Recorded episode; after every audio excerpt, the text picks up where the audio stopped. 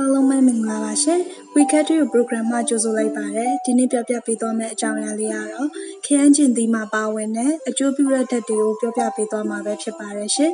စေးသိပ်ပံသတင်းများအရာခရမ်းကျင်သီးဟာဆိုလို့ရှိရင်21ရာစုမှာရေပန်းစားလာပါတယ်အနောက်တိုင်းစေးသိပ်ပံတွေ့ရှိချက်အရာခရမ်းကျင်သီးမှာကင်ဆာကိုချေမှုန်းနိုင်တဲ့လက်နက်ရှိတယ်လို့ဆိုကြပါတယ်အဲ့ဒီလက်နက်ကတော့ခရမ်းကျင်သီးကိုအနီအောင်ဖြစ်စေရန်ခြေသပေးတဲ့လိုက်ကိုပင်ပဲဖြစ်ပါတယ်ရှင် ခရမ်းကျင်သီးမှာပါဝင်တဲ့လိုက်ကိုပင်ကပန်ခရီးယားကင်ဆာဖြစ်ရန် ကြီးမားတဲ့အဟန့်အတားဖြစ်ပါတယ်။သွေးထဲတွင်လိုက်ကိုပင်နည်းပါးခြင်းသည် ပန်ခရီးယားကင်ဆာဖြစ်စေရန်နမိတ်ပြသလိုဖြစ်နိုင်တယ်။ကင်ဆာလူနာများရဲ့ထင်ရှားသောပြသချက်မှာသွေးထဲ၌လိုက်ကိုပင်နှိပ်ကျခြင်းဖြစ်သည်။ သွေးထဲ၌လိုက်ကိုပင်ပမာဏအနည်းဆုံးရှိသူများသည် လိုက်ကိုပင်အများဆုံးရှိသူတွေထက်ပန်ခရီးယားကင်ဆာဖြစ်ဖို့အန္တရာယ်၅ဆကျော်ရှိနေပါတယ်။အဲဒါကြောင့်မလို့21ရာစုမှာလိုက်ကိုပင်ပါဝင်နှုန်းကောင်းတဲ့ခရမ်းကျင်သီးကိုစားဖို့လိုအပ်ပါတယ်နော်။မပြုပြင်ရသေးတဲ့ခရမ်းကျင်သီးမှာဗီတာမင် C 23မီလီဂရမ်ပါဝင်ပြီးလိုက်ကွန်ပေးမှာ4631မိုက်ခရိုဂရမ်ပါဝင်ပါတယ်။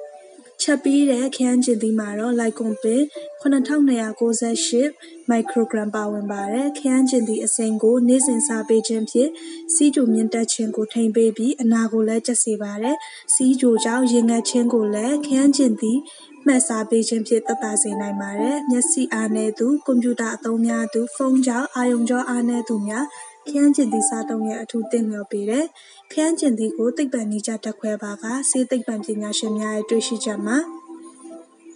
ခရမ်းကျင်သီးမှတ်100ဂရမ်မှာ ဗီတာမင် A 3850 ယူနစ်၊ကယ်လိုရီ 265 ယူနစ်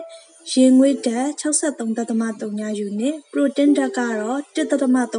ဂရမ်၊ကာဗွန်ဟိုက်ဒရိတ်က5.13ဂရမ်၊ ကယ်လ်ဆီယမ်က17.0မီလီဂရမ်၊သံဓာတ်က1.4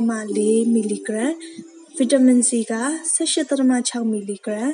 ဗီတာမင် B1 က 40မီလီဂရမ်ပါဝင်တယ်လို့ဆိုပါတယ်။တစ်ခုသတိပြုရမယ့်အချက်ကတော့ဓာတုဆေးဝါးအကူအညီဖြင့်စိုက်ပျိုးတဲ့ခရမ်းကျင်သီးမှာအလုံးကြီးပြီးတော့နှစ်သက်ဖွယ်ဖြစ်တော့လဲအနှစ်မှာတော့အချင်းအရသာလျော့နေနေတတ်တယ်နော်။ဆေးဘက်ဝင်မှုအားနဲ့လှပါပေတယ်။အဲဒါကြောင့်မလို့အားလုံးပဲလူခန္ဓာကိုယ်အတွက်အကျိုးပြုတဲ့ခရမ်းကျင်သီးကိုစားသုံးပေးကြဖို့မမေ့နဲ့နော်။အားလုံးကျေးဇူးတင်ပါတယ်ရှင်။